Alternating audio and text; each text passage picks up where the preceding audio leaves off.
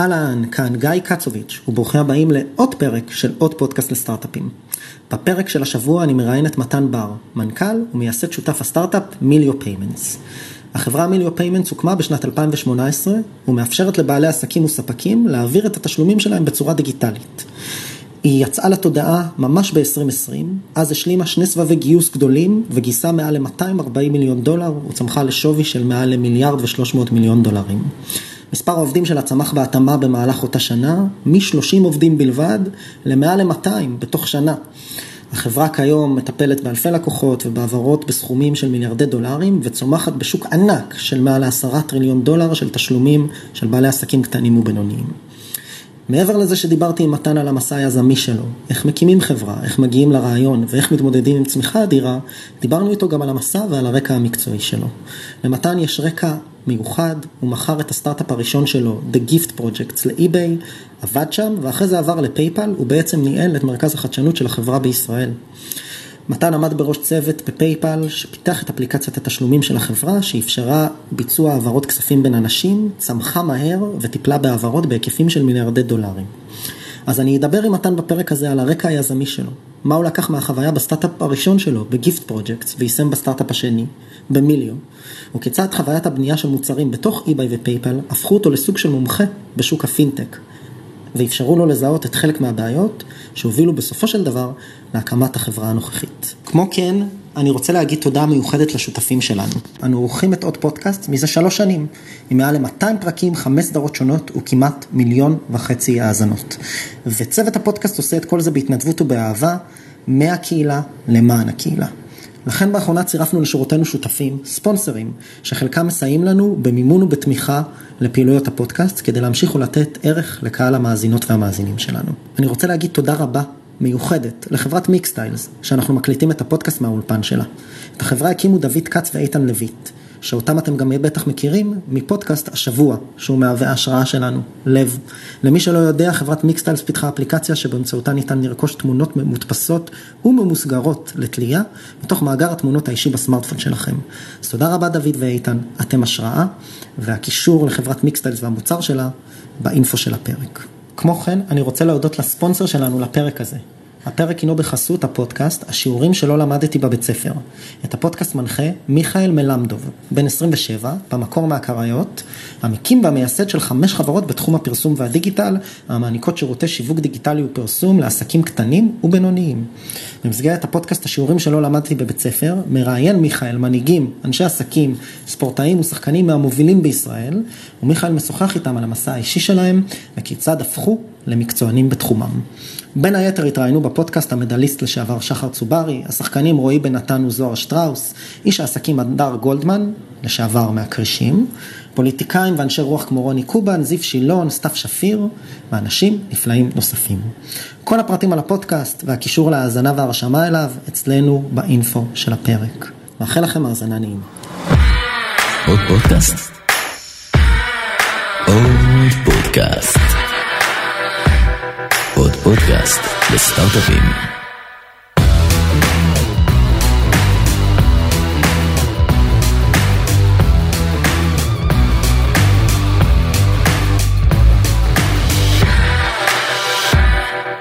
היי, בוקר טוב.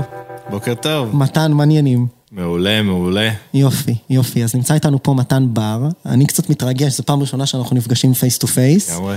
ואת ההכנה לפרק עשינו ממש לפני, אז בואו נקווה שזה יעבוד לנו טוב. מעולה. אה, מתן, ככה למי שלא מכירה, לא מכיר אותך, אני אשמח מאוד שתספר קצת על עצמך, מה אתה עושה ומה זה מיליו. בשמחה, ותודה שוב על ההזמנה. אה, אז מתן, היום אני המנכ"ל וה-co-founder, מייסד שותף של חברת מיליו. אה, שמיליו היא חברה שמאפשרת תשלומי B2B payments בארצות הברית. אנחנו למעשה מאפשרים לעסקים קטנים לשלם לספקים שלהם, ל suppliers, ל contractors, שאלה בעצם עסקים מאוד חשובים כדי לתמוך בפעילות המרכזית של העסק הקטן. אז לדוגמה, לכל עסק היום יש אה, אה, בין עשרות למאות ספקים שתומכים בו ביום-יום. Mm-hmm. אם זה מסעדה שמשלמת לספק עגבניות ודגים, או אם זה מיליו שמשלמת לאמזון ווב סרוויסס ופייסבוק ו contractor designers בגרמניה וכן הלאה. כל עסק מושתת על ecosystem של ספקים ומיליו בעצם מאפשרת את התשלומים ואת כל ה relationship הזה בין העסק לכל העסקים האחרים שתומכים בו, ואנחנו מתרכזים היום בעיקר בארצות הברית, שזה השוק המרכזי שלנו. מיליו היא חברה של 300 עובדים, אנחנו נמצאים בתל אביב ובניו יורק. וצומחים מאוד מהר לשמחתנו, גם בעקבות קורונה ועוד כל מיני סיבות אחרות שאני אשמח כמובן לשתף עוד, אבל זה פחות או יותר המצב. אז יש לי מלא שאלות ואני נזהר לא לקפוץ אליהן, כי אני רוצה לפני זה שנשלים את ה-overview, אם תוכל קצת לשתף, אמרת שבאמת אתם חברה של 300 עובדים, אנחנו לפני זה דיברנו, רק לפני שנה וחצי, זאת אומרת ממש בתחילת 2020, הייתם עשרות עובדים, עשרות בודדים של עובדים. כן. אז היה פה צמיחה והיה פה אירוע גיוס מאוד גדול והיה פה צמיחה של העסק מאוד, שהיא מאוד גדולה. אם תוכל לתת לנו קצת מספרים או קצת סדרי גודל גם לגבי גיוסים. כן, בטח. מה שאפשר להתייחס. כן, אני חושב שהשנה האחרונה הייתה שנה שלא אני ולא זיו ואילן, השותפים שלי, ציפינו או חזינו. בינואר 2020 היינו 30 אנשים בחברה. ובאמת היום, שנה וכמה חודשים אחרי, אנחנו 300, כאשר הגדילה היא בעצם נובעת, או הגדילה של האנשים נובעת מהגדילה העסקית שהייתה לנו. אנחנו התחלנו, או השקנו את המוצר שלנו לקראת סוף 2019, משהו כזה, והתחלנו עם כמה עשרות של משתמשים, מאות של משתמשים, ואז הגיעה הקורונה. ובאמת, איפשהו שם בסוף פברואר, אני זוכר שטסתי לסן פרנסיסקו, ניו יורק ולונדון בארבעה ימים. זאת אומרת, לא היה לי מלונות בכלל, ישנתי במטוס וטסתי כדי לפגוש משקיעים על מנת לסגור את הראונד בי שלנו לפני שהעולם... קורס. כן, בדיוק, בדיוק. ובאמת זה היה כזה כמה ימים דרמטיים, אני חושב שיום אחרי שחזרתי לארץ באמת נסגרו השמיים, זה היה שם כזה בתחילת מרץ, ועשינו את זה כי חשבנו שהולך להיות שנה או שנים מאוד קשות למיליו. לא טעינו, באמת זו הייתה שנה מאוד קשה להרבה מאוד אנשים, גם בריאותית וגם כלכלית. אבל בהקשר של מיליו טעינו, זאת אומרת, חשבנו שהולכת להיות שנה מאוד קשה, וקרה ההפך. אנחנו למעשה תומכים בעסקים קטנים, והרבה מאוד עסקים קטנים במהלך הקורונה סגרו את העסק שלהם. אבל מה ש... ולא טעינו בזה, באמת היה לנו לקוחות שלצערי סגרו ולא הצליחו להתמודד עם הקורונה, אבל מה שלא ציפינו זה שיהיו המון עסקים קטנים שכן שרדו ועוברים לדיגיטל, לנהל בעצם digital payments במקום לשלם בצ'קים, או digital store במקום חנות פיזית. לא האמנו שהקצב של ה digitization יהיה כל כך מטורף, ולכן מה שקרה בפועל זה שהגדילה שלנו לא רק שהיא לא האטה, היא צמחה בקצבים מטורפים, אשר גרמו לנו בעצם לעשות עוד שני סיבובי גיוס מעבר ל round B, בעצם שלושה סיבובי גיוס בשנה, וגם לגייס הרבה מאוד אנשים שיכולו לעזור לנו ולייצר הרבה תוכן כדי שנוכל להתמודד עם הסקייל הזה. אז כמה החברה גייסה עד כה? סך הכל החברה גייסה 254 מיליון דולר, כאשר 240 גויסו בשנה האחרונה. זאת אומרת, אנחנו מסתכלים שנייה על הקורונה, ותכף נדבר אולי קצת על עולם הבעיה, וגם על הרקע שלך, קצת הזכרנו את זה לפני הפרק, אבל באמת היא האיצה פה את התהליכים שבמסגרתם בעלי עסקים ועסקים קטנים עוברים לעולם הדיגיטלי, ורוצים לשלם לספקים שלהם באמצעות מערכת דיגיטלית אונלי, בלי צ'קים עכשיו, צ'קים דחויים, כל הסיפורים האלה. ושם אתם נכנסים לתמונה. אז אם תוכל לספר קצת אולי, כדי לסבר את האוזן למי שלא מכיר מה בעצם הבעיה באמת, כי נראה לי שזה הסיפור שגלום פה, ואיך אתם פותרים אותה ב... כן, אז זה באמת בעיה שהיא מאוד טריוויאלית, אבל שעוד לא נפתרה כמו שצריך, ובאמת זה ההצדקה של הקיום של מיליו. אבל אני לפני שלוש שנים, כשהתחלנו את מיליו, מיליו לא הייתה קיימת לפני שלוש שנים, לפני שלוש שנים אני, זיו ואילן, השותפים שלי, הקמנו את מיליו, והקמנו אותה סביב איזושהי בעיה שהייתה נראית לנו הזויה אז, שבארצות הברית עדיין רוב התשלומי B2B, בין עסק לעסק, הם מתנהלים offline, מתנהלים עם נייר.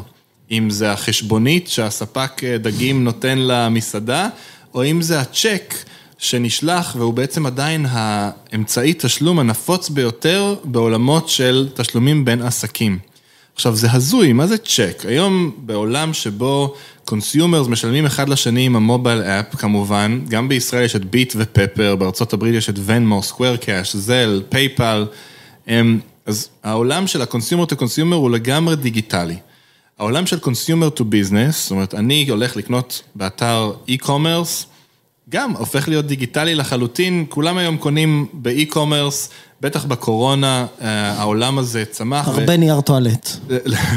הכל, ממש הכל, ובגלל זה חברות כמו פייפל וסטרייפ ושופיפיי כמובן, הן חברות שהתפוצצו כי המעבר לאי-קומרס הוא הואץ גם, גם הוא. ואז יש עוד תחום, אז שקוראים לו B2B, שזה התחום שאנחנו מתמקדים בו, שהמעבר לדיגיטל עוד לא קרה בו. ואתה יודע, לפני שלוש שנים שראיינו כל מיני בעלי עסקים כדי להבין את הרגלי תשלום שלהם, דיברנו עם בעל עסק שהיה משלם לחבר עם ונמו, עם מובייל אפ, היה קונה אונליין בגדים לילדים שלו, אבל אז כשהוא היה צריך לשלם לספקים של המסעדה שהוא מנהל, הוא היה מלקק בולים וממלא מעטפות כדי לשלוח צ'קים. ו- וזה היה הטריגר לבעיה. למעשה ראינו שיש שוק ענק, משהו כמו עשרה טריליון דולר, שעדיין עוברים בצ'קים כל שנה בין עסקים, וזה גורם להרבה מאוד חוסר יעילות ולהרבה מאוד בעיות בתזרים מזומנים, וגם הרבה מאוד, אה, נקרא לזה אתגרים של עסק גדול מנצל עסק קטן, שרצינו לפתור. אז אם זה cash flow, או saving time, או saving costs, האמצעי שהיום עסק משלם בו הוא פשוט על הפנים. ורוב הכלים הדיגיטליים שקיימים היום, הם מותאמים לחברות מאוד גדולות, ופחות לחברות קטנות. אז יש חברות, אגב, גם ישראליות, כמו טיפלתי, יש חברות בארצות הברית שקוראים להן אביד אקסצ'יין, עושות עבודה מדהימה לתמוך בחברות גדולות. העסק הקטן הוא underserved. אין היום כלים שהם פשוטים מספיק או מותאמים מספיק לעסק הקטן, ופה בעצם מיליון נכנסת. אז הכלים האלה, מה הם מאפשרים בעצם? מה ההתאמות? אנחנו, נראה לי שאינטואיטיבית כולם מבינים. אני נכנס, אומר, אני רוצה להעביר את הכסף לזה, במקום צ'ק, mm-hmm. אבל מה... מה שם מאחורי הקלעים קורה, כי יש פה אירועים רגולטוריים של המרות מטבע, ושל התממשקות לממשק הבנקאי או ממשק האשראי, אני מניח. אז אם תוכל קצת לספר לנו מה, מה התחכום פה. לגמרי. אז יש שלושה עקרונות שלמעשה הופכים את מיליו לייחודית, אמ, ועזרו לנו לצמוח כל כך מהר. הראשון הוא... פשוט אה, וטריוויאלי, שזה למעשה באמת הפשטות של החוויית משתמש. רוב הכלים שעוזרים לנהל תשלומי ספקים הם בנויים לרואי חשבון ולאנשי פיננסים ול-CFO. מיליו בנויה כמו ביט, זה כל כך פשוט, גם האופיס אדמין של הרופא שיניים וגם הבעל עסק עצמו שאין לו ניסיון פיננסי, קל לא עולה להתחיל להשתמש מיד. אז פשטות זה דבר מאוד מהותי וזה מאוד קשה לעשות משהו פשוט. הדבר השני זה למעשה אה, טכנולוגיה תשלום שהיא ייחודית למיליו. שמאפשרת למשלם ולקבל, לשלם איך שהם רוצים. גילינו שיש קונפליקט של אינטרסים בין כל משלם לכל מקבל. אני בתור בעל מסעדה, אני אשמח לשלם עם האמריקן אקספרס שלי. אה, כי זה יעזור לי לדחות תשלום עד החשבון כרטיס אשראי הבא, או שזה ייתן לי נקודות, אבל הספק שלי, בוא נגיד שוב, הספק דגים, הספק דגים רק מקבל צ'ק. אז אם הספק שלי רק מקבל צ'ק, אז אני חייב לשלם בצ'ק, ככה זה עבד לפני מיליו. מה שמיליו עשתה, זה למעשה to decouple, להפריד את הצורה שמשלם משלם ומקבל מקבל, כדי שכל אחד יוכל לעשות מה שהוא רוצה, או מה שהיא רוצה. ולכן הבעל עסק או בעלת עסק יכולים עם מיליו לשלם עם הכרטיס אשראי, ליהנות מכל ההטבות שקשורות לזה, ואנחנו נגבה את הכרטיס אשראי ונשלח צ'ק לספק זאת אומרת, דגים. אתם סוג של אה, מתווך, מתווך באמצע. בדיוק. ויש המון צורות תשלום לכל צד, זה לא רק כרטיס אשראי, זה גם debit card, wire virtual card ו paper checks והעברות בנקאיות ו real time payment, יש המון טכנולוגיות תשלום ולכל צד יש את העדפות שלו או שלה, אנחנו מתווכים ביניהם וזה קל להגיד, מאוד קשה לעשות. אז אמ, פשטות? תיווך, אה, מה שנקרא, מתוחכם לכל אמצעי התשלום בין מקבל אה, לגמרי. לנותן, ו... והדבר האחרון זה Workflow. אוקיי. Okay. אחד הדברים המעניינים ב-B2B payment זה שזה לא, זה לא רק payment. אה, אם אני היום משלם לך אה, עבור קפה שקנית לי, אז אה, אני אשים אימוג'י של קפה ואשלח לך עשרה שקלים. בתל אביב כבר קפה נראה לי עולה יותר מעשרה שקלים ברוב המקומות, אבל בוא נגיד. אז זה קל, פשוט אני מעביר כסף ממני אליך, סיימתי. ב-B2B payment יש הרבה מאוד אלמנטים של workflow, כמו סינכרון עם המערכת החשבונאית, כמו אה, תהליכי אישור בין הבוס של החברת בנייה לאופיס אדמין שהוסיף או הוסיפה את החשבונית. יש הרבה תהליכים שקורים שאנחנו חייבים לתמוך בהם, לתפוס את ה-details של החשבונית בצורה אוטומטית על ידי צילום של החשבונית. יש הרבה דברים שקורים לפני התשלום ואחרי התשלום, שמיליו חייבת לתמוך בהם על מנת לתמוך בתהליך בצורה מלאה. אז זה הדבר השלישי, פשטות. תיווך או, או אפשור של אה, בחירה של תשלום ו-workflow. שאנחנו לא מה שנקרא stand alone, אנחנו בעצם חלק מ-workflow שהוא חלקו עסקי, חלקו אופרטיבי, וחלקו גם פיננסי רגולטורי, להוציא את החשבון. ממש ככה. אוקיי, מעניין. אני רוצה, לפני שנקפוץ למסע שלך, ספציפית בחברה הנוכחית, ואיך מתמודדים עם אתגרי הצמיחה, כי הבטחנו שנדבר על זה, לזרוק אותך אחורה. לאיך הגעת בכלל לתחילת המסע שהוביל אותך לפה, אם תוכל קצת לדבר על זה למי שלא מכיר, כי הורדנו לדעתי שני פרקים לפחות שלמים בחיים המקצועיים שלך, ככה על הדרך.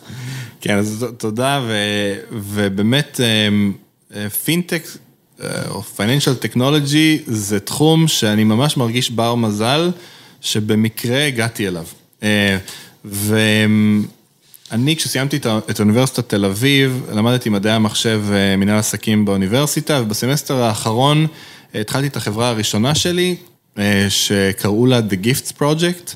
התחלתי אותה עם רון גורה, ארז דיקמן ומאי גורה, וזה היה גם חברת פינטק, לא קראנו לזה פינטק אז, אבל אפשרנו שם פלטפורמה ל group payments. למעשה אפשרנו לאנשים...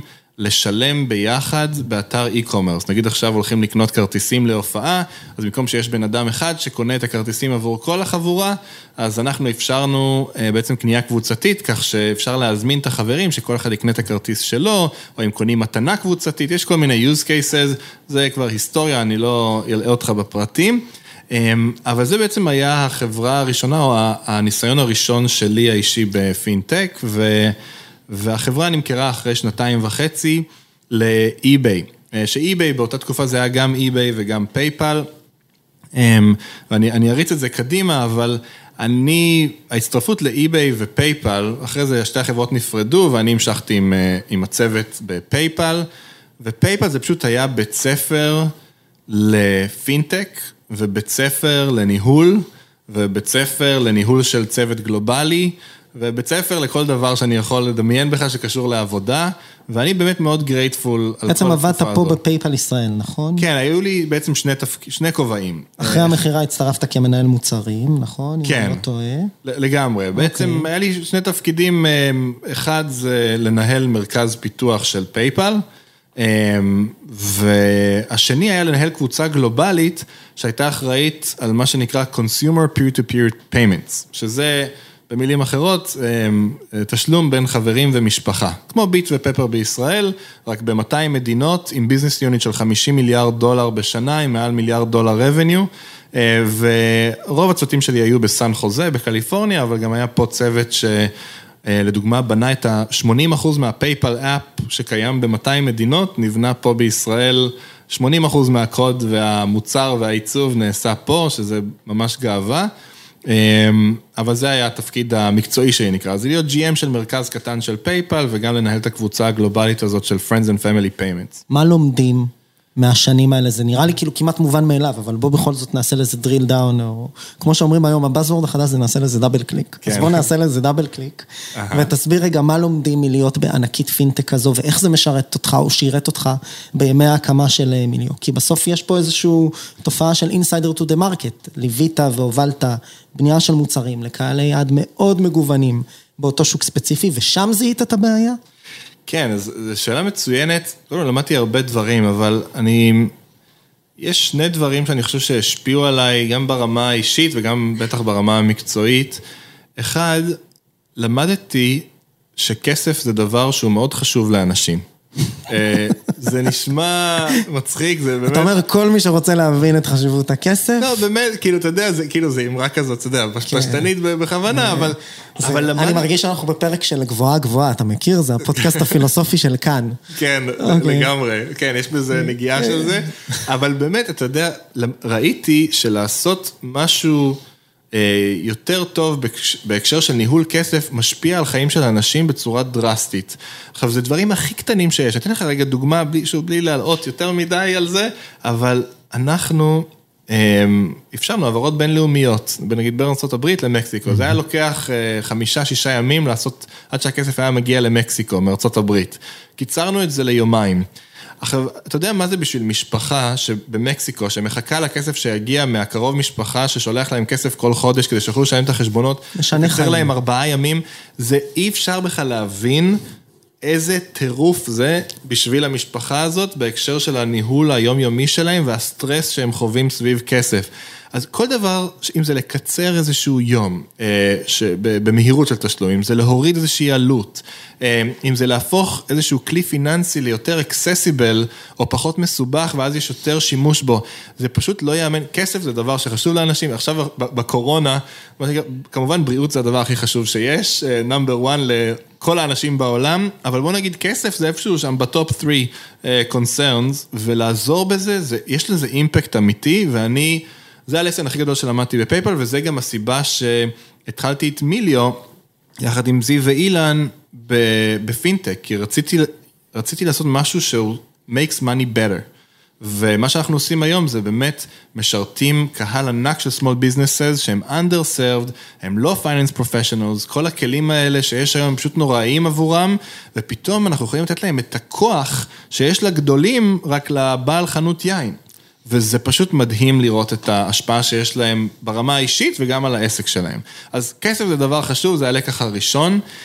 אני חושב שהדבר השני המרכזי שלמדתי, יש עוד הרבה, אבל היה, שהוא השפיע לי על מיליו, זה, אני חושב, לבחור ברמה העסקית, לבחור space זה דבר מאוד חשוב. אני חושב שתמיד שאלו אותי, כאילו, מה האסטרטגיה המוצרית שלי ב-PayPal, שכל כך גרמה לי להצליח, או בגיפט product, והאמת היא שלא היה לי ממש, ואני בא מעולם של מוצר, ודווקא אני אומר, האסטרטגיה המוצרית היא לא כל כך חשובה. היא לבחור את המוצר בשוק הנכון. זה קודם כל לבחור את השוק הנכון ואת הצוות הנכון, ואז דברים טובים קורים. וזה האמת היחידה. זאת אומרת, לחזות אה, מה המוצר המדויק, זה דבר מאוד קשה, אי אפשר לעשות מצגת ולעשות גישה top down ולפגוע. זה באמת לא עובד בתחומים שהם innovative. כשבונים גשר, אגב, עדיף לעשות את זה top down ולתכנן הכל מההתחלה, לא הייתי... הצורה שבה אנחנו בונים מוצרים, לא הייתי בונה ככה גשרים, וגם... בכלל, הנדסת בניין, כן. זה לא... לא, זה מתודולוגיה אחרת, ועדיף שהיא תהיה אחרת. אוקיי. אבל באמת, לבחור תחום שיש בו הרבה מאוד פוטנציאל, זה דבר שהוא מאוד חשוב, כי ראיתי לא מעט צוותים שהם מדהימים, אבל הם פשוט בחרו תחום קשה, כאילו, קשה, או שה-timing שלו פחות נכון. אתה יודע, עכשיו לעשות מתחרה לפייסבוק.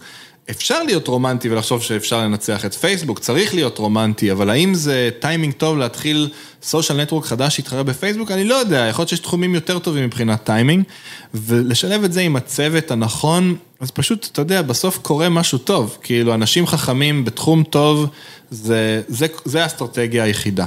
אז, אז אנחנו מתקרבים אה, למיליו והחוויה שלך שם, ואנחנו תכף נגיע לשאלות קצת על איך, אה, איך זוכרים את השמות של 200 עובדים שהצטרפו לחברה בתוך שנה. כן. אבל לפני זה אני דווקא רוצה לדבר על תחילת הדרך, ואני הולך, אה, נתחיל קצת מחיים שכאלה, ואז נעבור הלאה לשאלות היותר קלילות. אחלה. אז השאלה הראשונה היא, למה? הקמת סטארט-אפ, עשית מכירה, מכירה די מוצלחת לפחות לבעלי המניות דאז, גם אם היום בסדרי גודל, היום, כן. אם אתה לא דקה-קורן זה כבר לא. נחשב נראה לי. עבדת בתחום הזה כמה שנים בפייפל, למה לצאת למסע יזמי נוסף? מה, מה, מה מניע אותך לבוא ולהקים עוד חברה? כן, אז התשובה היא שברמה של סיפוק מקצועי, כנראה שאין הרבה דברים שמתחרים בלעשות אה, zero to one, סליחה על הקלישאה, אבל זה, זה אמיתי ואותנטי, וזה התשובה... ליצור משהו חדש באמת. ליצור מאפס, וזה לא, זה לא רק ליצור מוצר מאפס, זה ליצור תרבות מאפס, ליצור צוות מאפס, אה, ליצור תהליכים מאפס, למצוא משרד מאפס, להתקין וי-פיי פעם ראשונה מאפס. אתה יודע, יש, יש הרבה דברים שהם פשוט קסם בלעשות 0 to 1, ואנחנו עדיין בקסם הזה אגב, כאילו היום אנחנו ב-0.001 אה, מהמסע שלנו, וזה גם באמת ההבטחה הכי גדולה שיש לנו לאנשים שנמצאים אצלנו, ואנשים אה, שעוד לא נמצאים אצלנו ושוקלים להצטרף אלינו, כי אנחנו ב-0 to 1, אנחנו הרבה יותר ב-0 מאשר ב-1.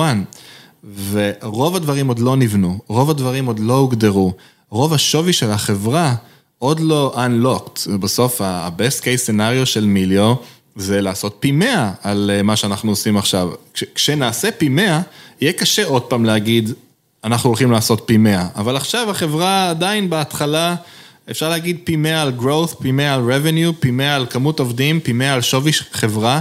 ולא לא למצמץ. אחרי שנעשה את הפי 100, בוא נגיד, הקרדיביליות של להגיד עוד פעם פי 100, כנראה שהיא תהיה יותר קשה, אבל עכשיו זה ההתחלה של ההתחלה, וזה קסם, וזה מה שגרם לי אה, לצאת, וגם כמובן שות, השותפים שלי, זיו ואילן, זיו היה מגיע אליי כל יום הביתה כדי להגיד לי, יאללה, תפסיק עם הקורפורט, ובוא נעשה כבר משהו ביחד, ופגשנו גם את אילן, ופשוט שלושתנו, אה, כל כך אה, ראינו שיש משהו טוב בינינו, ואנחנו רוצים לעבוד ביחד. אז זה השילוב של השותפים וגם פשוט הקסם הזה של Zero to One, שאנחנו עדיין נמצאים בו, אה, ונהיה בו עדיין בשנים הקרובות, כי זה התחלה של התחלה.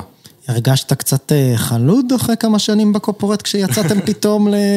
התחלתם לעשות פגישות ואמרת, רגע, לא צריך את הפגישה הזו, אפשר פשוט... אה, כן. אפשר פשוט לעשות את זה? זו שאלה טובה ולחלוטין במקום.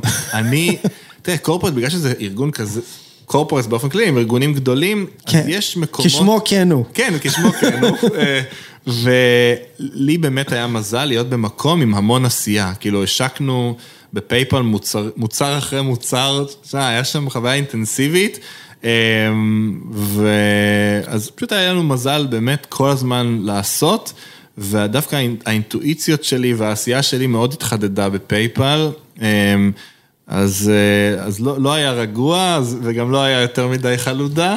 אה, דווקא ההפך, אני חושב שזה הכניס אותי לכושר שיא PayPal. וואלה, ואיך, איך, אה, בוא נדבר קצת על ההתחלה. אז באמת יצאתם, עזבת את PayPal, ואז מה? איך מתחילים? זאת אומרת, הרעיון כבר היה, היה לך, אני מניח.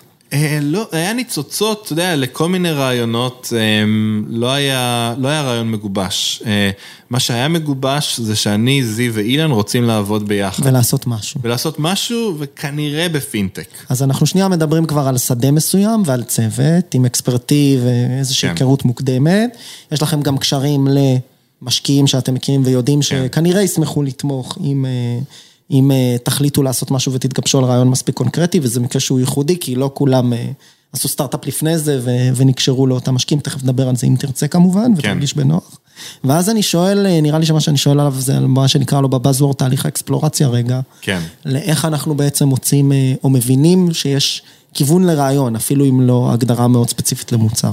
כן, וואי, זה, אני חושב שעד היום זה התהליך הכי קשה שעברנו. אוקיי, אז אני שמח ששאלתי עליו. כן, לחלוטין. התהליך של האידיאשן זה אחד האתגרים, אני חושב, הכי גדולים שיש לכל אחד, לא משנה כמה ניסיון יש לו.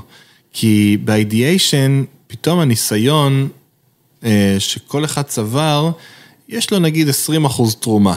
30 אחוז תרומה, אבל זה לא execution, זאת אומרת, אם עכשיו אה, אתה נותן לי כל רעיון לעשות לו עכשיו execution ולהשיק אותו גלובלית, למדתי איך עושים את זה, אז אני יכול אה, לעשות את זה כנראה בסדר. אה, אבל לחשוב על רעיון out of nowhere, וואו, זה מטורף. ו...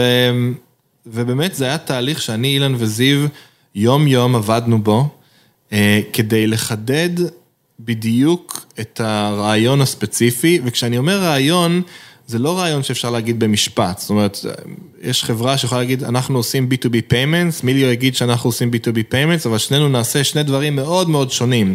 אז כשאני אומר רעיון, זה החידוד והדיוק של מה בדיוק ה-unique value proposition. של הסט ערכים שדיברנו עליהם קודם, כן, של הפשטות, לגמרי. של החובה שנהיה מתווכים, ממש. ושל העובדה שנהיה חלק מה-workflow, ואת כן. זה עושים, אני מניח, נותן לך חצי מהתשובה, בלדבר עם, עם, עם עסקים. בדיוק, אז דיבור עם לקוחות זה, בסוף זה הדבר היחיד אה, שעובד, צריך לדעת איך לעשות את זה.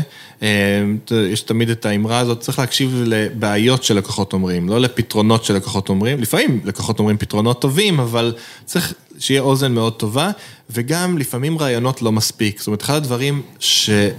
אה, אני חושב, מאוד עזרו לנו להצלחה של חידוד הרעיון, זה שאנחנו לא רק ראיינו לקוחות. אנחנו ראיינו, אני חושב, 100 לקוחות, אגב, כאילו נסענו לארה"ב, ראיינו חברות בנייה ומסעדות וברים וחנויות יין ומדיקל קליניקס, והתחלנו לקבל את אותן תשובות עוד פעם ועוד פעם, ואז הבנו שאנחנו צריכים uh, to get one level deeper, מה שנקרא, כזה להעמיק, ומה שעשינו זה שפתחנו bookkeeping firm, פתחנו חברה לניהול חשבונות בניו יורק. כדי לא רק לשאול אנשים על ה-workflow שלהם, אלא להפוך להיות חלק מה-workflow שלהם.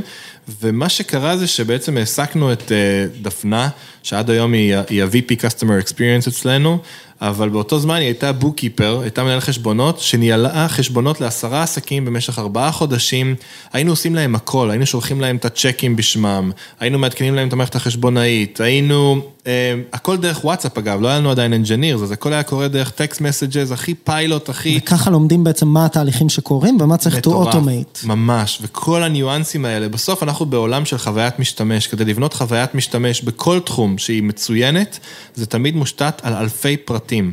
הרבה פעמים אתה נכנס למסעדה, כיף לך. אתה לא יודע למה. עכשיו, הסיבה היא זה כי יש אלף פרטים שמתאימים לך. התאורה היא לא יותר מדי גבוהה, המוזיקה היא אחלה, הריהוט הוא מעולה. מיזוג, זה לא רק האוכל, כן, הכל. בסוף חוויית משתמש זה דבר הוליסטי, וכדי להגיע ל-level הזה, זה צריך להיות מדויק בהרבה מאוד דיטיילס. מאוד מעניין שבעצם הקמתם חברת בוקיפין כדי לשרת לקוחות ולהבין את ה-workflow ובאיזה גם סוגי תשלומים תצטרכו להשתמש, אני מניח, ונותן את רוב התשובות, נראה לי, או את הרבה מהתשובות. זה נותן הרבה מאוד ניואנסים שאתה לא תמיד יודעים מה לשאול, זה כאילו אחת הבעיות, אז אה, ככה גם למדנו מה השאלות הנכונות, לא רק מה התשובות. מעניין מאוד. ואז אתם בונים את המוצר, משיקים או לא משיקים, האם יש רגע כזה בכלל שמשיקים? כן, כן, בטח. אוקיי. לוחצים על הסוויץ' ולא, ואז לא קורה כלום. לא קורה כלום, זה רגע כזה. כן. לא זה... קורה כלום. ואז מגיעה הקורונה ויש צמיחה גדולה. כן. איך, איך, אה, זה משהו שגם ברמה האישית נראה לי, לא, עוד לא חווית. את ה-level של ה-growth הזה... scale כן, growth לא. כן, אני חושב, אה, אה, זה נכון, זה יותר נכון מלא נכון. אני חושב, ב-PayPal השקנו שני מוצרים ש... אה, זה המוצרים שגדלו הכי מהר אי פעם בהיסטוריה של PayPal. אז זה היה, נתן, נתן fight טוב, אני חושב, למיליו, אבל כן, מה שראינו בשנה האחרונה, אני חושב ש, שלא חוויתי, וגם בסוף היום אנחנו... אחראים על כל הסטק, מה שנקרא, בפייפל זו חברה גדולה, כל, כל, חב, כל צוות אחראי על חלק אחר, ובסוף אה, יש פחות אחריות אה, של 100 אחוז, אתה אחראי על החלקים שאתה אה, כן. יותר קרוב אליהם. איך מתמודדים? איך מנהלים חברה שבה נוספים כל הזמן עוד עובדים ויש כל הזמן עוד משימות, ועד שאתה מתרגל ועושה אדפטציה לסיטואציה הנוכחית, אתה כבר צריך להתמודד עם חדשה?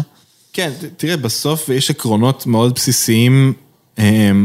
אני אגיד משהו שהוא נשמע מוזר, אבל בסוף לנהל אה, אופרציה שמעבירה עשרה מיליון דולר, והאופרציה שמעבירה חמישים מיליארד דולר, ההבדלים הם לא ענקיים, אם אתה עושה את ה... אם אתה בונה את התשתית נכון. אמ, אז אמ, אז באמת, ב-PayPal, לשמחתי ניהלתי scale שהוא עדיין יותר גדול ממה שאנחנו עושים ב-Melio, בתקווה Melio הולכת לעבור את ה-scale שהיה ב-PayPal ממש בקרוב, אמ, אבל השיטה היא בסוף ליישם כן איזשהו אה, עקרונות ובסיס שיאפשר גדילה. עכשיו, מה זה בסיס? בסיס בהקשרים של... אה, בסיס ניהולי, בסיס של תשתית של בדיוק, חברה? בדיוק, okay, אוקיי, גם בוא, וגם וגם. אז בוא נדבר על זה קצת, למרות שפה אני כבר נותן לך את הקולות של המאזינים והמאזינות ששומעים, כן. ואומרים, אה יופי, בטח, אם אני אצמח ככה, גם אני אעשה את העקרונות האלה. כן. אז בוא ננסה כן לחשוב על כמה עקרונות שאולי באמת שווה ליישם מ-day one לכל סוג של flow. כן, אז אה, תראה, זה... הדבר, אני חושב שעשינו מ-day one, גם שהיה לנו scale של אה, דולרים בודדים, זה, ואני stating the obvious, אבל כל העניין של דאטה ו-monitoring, זה דבר שמהיום הראשון היה לנו framework של דאטה ו-monitoring שהוא world class, לא פחות טוב ממה שהיה לי ב-PayPal. אם זה ה-dashboardים הנכונים או ה-tracking הנכונים, זאת אומרת, בכל רגע נתון אנחנו יודעים בדיוק מה כל user עשה, מאיפה הוא בא, כמה הוא עשה, כמה הוא engaged, כמה הוא retained, כמה, כאילו, הכל מאוד מאוד מדויק, וזו תשתית שהיא מאוד חשובה כמובן לצמיחה. ו, ובנוסף לזה, אני אגיד את זה, התשתית הניהולית, היא תמיד צריכה להקדים את הגדילה של החברה. זאת אומרת, אם יש ציפייה שהחברה תגדל X, אז צריך שאנשים יגדלו 1.5X או 2X כדי לתמוך בגדילה של ה-X. ולכן האנשים שהבאנו, הם תמיד היו over qualified קצת או הרבה. כאילו מוכנים לשלב שבו החברה תגדל. כן, כי עד שהם מתאקלמים כבר הם לא over qualified וכבר הם מותאמים ל-scale שהגענו אליו. ואיך עושים hiring של אנשים כאלה? הרי זה חבר'ה שחלקם בבכירות גבוהה, הם לא יושבים ומחכים שתפנה אליהם. זה ממש קשה, תראה, בסוף אנחנו, hiring באופן כללי... הולך ונראה לי נעשה יותר מאתגר בסביבה הנוכחית. זה האתגר. היה איזה כתבה, אני חושב, בכלכליסט, שדיברו על זה ש-60% מהחברות סטארט-אפ מדווחות שקשה להם לגייס. אז אני חושב שאורן זאב הגיב, אמר, אז 40 אחוז האחרים משקרים? כאילו... כן. זה ההרגשה. גיוס הוא דבר מאוד קשה לכולם, ובסופו של דבר ה-differentiation והסיבה שאנחנו הצלחנו לגדול מאוד מהר בסביבה מאוד תחרותית, זה שני דברים שגם לא יחדשו יותר מדי, אבל אחד זה האימפקט, שאנחנו מראיינים אנשים, אנחנו דואגים שהם יבינו את האימפקט שיהיה להם על הלקוחות שלנו. כן. כי תראה, בקומפנסציה ודברים כאלה, אלה פרמטרים מאוד חשובים, שגם לשמחתי בעקבות הגיוס אנחנו מאוד תחרותיים בהם. אבל בסוף האימפקט על הלקוחות זה דבר שאני חושב אצלנו מאוד ישיר, וה-engineer וה-product manager יכולים לראות בצורה מאוד ברורה איך הם משפיעים על הלקוחות. וזה ייחודיות אצלנו שגרמה להרבה מאוד אנשים לבוא אלינו, ולא נגיד ל-corporate יותר גדול, שה-impact הוא פחות ישיר. אתה תורם למשהו שתורם למשהו שתורם למשהו, שבסוף תורם ללקוח ב-corporate גדול, ופה רושמים פה שורות קוד ש... אוטומטית משפיעות על בן אדם. אז זה בסוף יתרון של כל סטארט-אפ. כמה, כמה מהיום יום שלך אתה מבלה כיום בהיירינג? בוא נגיד 40 אחוז. ובשאר הזמן שאתה לא משכנע מועמדים לבוא למיליו, מה, איך נראה היום יום של מנכ"ל בסדר גודל כזה של חברה? בעיקר דירקטוריון, בעיקר בעלי מניות, בעיקר מוצר. אז תראה, אנחנו בסוף חברה ש... יש ציטוט, אני פשוט אעזור לך, נראה לי אמר את זה גיא גמזו, אני חושב. כן. angel מוכר, השקיע בכמה חברות טובות, האחרונה שבהם כנראה זו Fiverr שהונפקה. ו... וגם בעוד חברה, לדעתי, הוא השקיע גם ב-Fraud Sciences, שנמכרו גם הם ל-PayPal. כן, אז אני חושב, אני מקווה שאני לא נותן לו פה, כן, לדעתי זו, זו האמת. כן. והוא אמר, ככל שאתה גדל כמנכ"ל, אתה הולך ומתרחק מה-passion הזה שהביא אותך לשם, המוצר, ואתה מתעסק באנשים כן. ובירוקרטיה. כן. ובעיות. כן, כן. זה פוגש אותך? אתה מקפיד היום על להיות יותר אוריינטד למוצר, יותר אוריינטד לביזנס, מה... כן, אז אני אסתכן בלהישמע נאיבי או אידילי, או לא יודע איך לקרוא לזה, אבל אני, אני מבין למה זה נאמר על ידי גיא, כאילו אני מבין שזה גם בעיה שקורית הרבה מנכ"לים. תראה, לי יש הרבה מאוד מזל בחיים. המזל שלי בחיים זה שלי שותפים מדהימים והנהלה מדהימה. והמטרה, קודם כל, שלי זה לגרום לכל האנשים שעובדים במיליו להיות מבסוטים. ומה זה מבסוטים? זה אומר, אף אחד לא אוהב להיכשל, אז הצלחה עסקית זה דבר, זה גם חלק מלהיות מבסוטים, אבל זה בסוף ה-KPI הכי, הכי מרכזי שלי, וכמובן, אני צריך לאפשר good return for our shareholders, אבל זה בדרך כלל מאוד aligned. אני, בסוף מיליו זה חברת טכנולוגיה, זו חברת מוצר. וכל דבר שאנחנו עושים, הוא קודם כל מונע ממה ה-value ללקוח. אני חושב שחברות שמשמרות את הנושא הזה, מהאנג'יניר הזוטר למנכ"ל, הן חברות שבדרך כלל הולך להן לא רע. וזה גם מה שאנחנו משמרים, אנחנו משתדלים לא להתעסק במסביב, ומה שמייצג בסוף את הדבר האמיתי, אלא מתעסקים בדבר האמיתי. ולכן ההתעסקות שלי היום היא מאוד עדיין טכנולוגית, מוצרית, בעיות של לקוחות, וכמובן אנשים. אמ, אנחנו כמטרה ששמנו לעצמנו שהתחלנו את מיליו, זה לא היה רק אה, אה, בוא נשפיע, מטרה אישית אינדיבידואלית אני מתכוון, זה לא היה רק בוא נבנה ביזנס מאוד מצליח ונשפיע על אה, עסקים קטנים, זה היה, נקרא לזה, 50 אחוז. מהסיפור. עבור הרבה יזמים אגב זה 100% מהסיפור. בואו נעשה impact גדול וה-mission statement, אני חייב להגיד, יש לי קול קצת אחר, אצלי זה 50% מהסיפור. ה-50% השני זה לייצר פה איזושהי קבוצה שאני אהיה גאה להיות בה. הקבוצה של החברה, פה אנחנו מדברים על החברה עצמה, העובדים. לא על הלקוחות, ה-value, כן. ה-KPI. אני יכול להגיד לך, יש לנו שני, יש לנו שלושה objectives אה, בחברה, שניים אני אספר לך, אחד, אה, לא משנה, זה לשיחה אחרת, אבל ה-objective הראשון זה to become the leading B2B payments company in the US. אה, וה-objective השני זה to build a workplace we all feel proud of.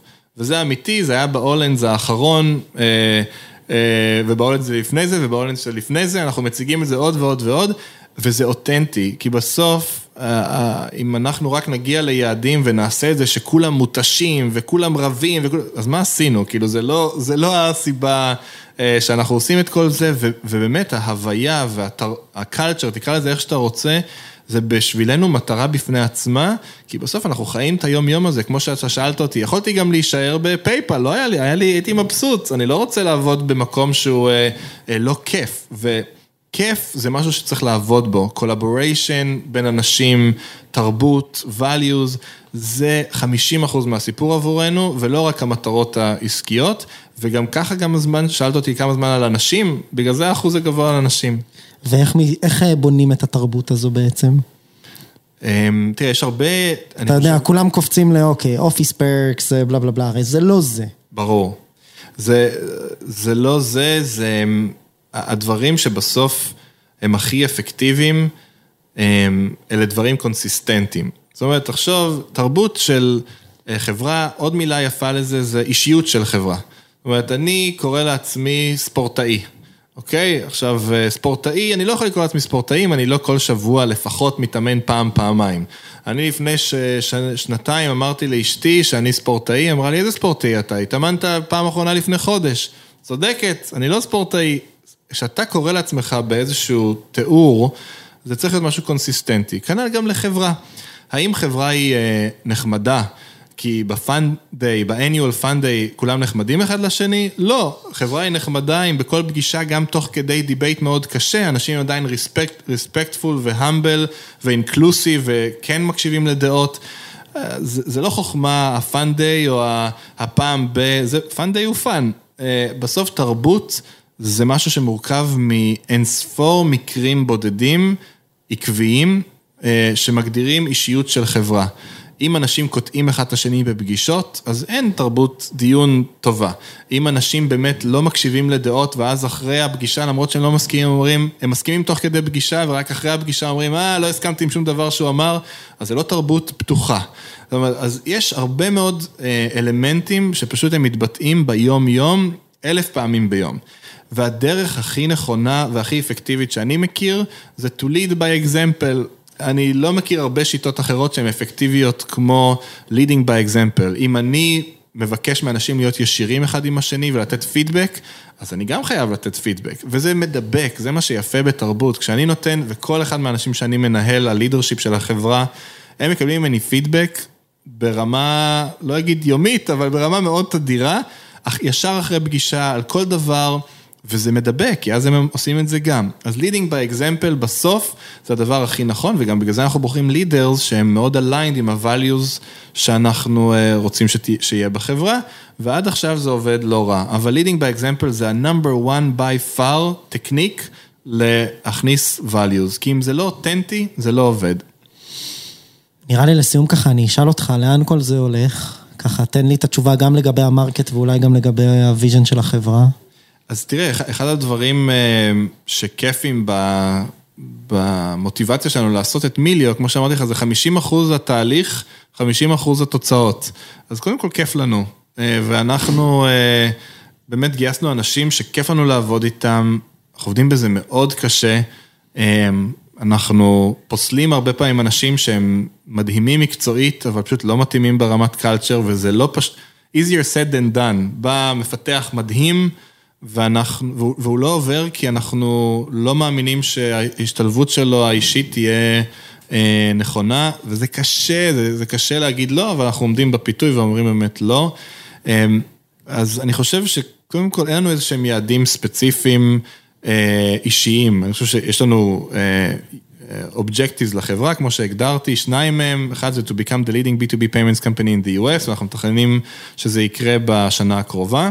מבחינת כל הביזנס KPIs שמודדים אותנו ואת המתחרים שלנו, ו-build the workplace we all feel proud of, שזה גם משהו שדורש הרבה מאוד עבודה. אם אני משיג את שני היעדים האלה, ויש עוד יעד שלישי שהוא יותר פנימי, אז, כי זה קשור לאיזשהו innovative initiative שיש לנו, אם אני משיג את זה, אז השגתי את ה-objectives, as simple as that. אז אני מאחל לך המון בהצלחה בבניית חברת התשלומים לעסקים קטנים ובינוניים הגדולה בעולם. אני מרגיש ש... מה שנקרא, אנחנו מתראיינים פה חברה לפי הגיוס האחרון, נכון? הצטרפתם למועדון ה unicorn, כן. מה שנקרא ה buzzword החדש. אני מקווה שתזכור אותנו ונוכל לראיין אותך פה גם כשתחצו את המאה מיליארד דולר. אה, נראה לי ריאלי בהתחשב בגודל השוק וב execution שלכם. אז בהצלחה. אה, תודה לך על הזמן, ואני מקווה שעכשיו כשננתק את המיקרופונים, תספר לי על ה-KPI השלישי. יאללה, מעולה. תודה רבה לך. מתן, תודה רבה, ותודה מיוחדת לכל הצוות שעזר לזה לקרות, וספציפית לשרה שפה איתנו מלווה. בכיף. תודה.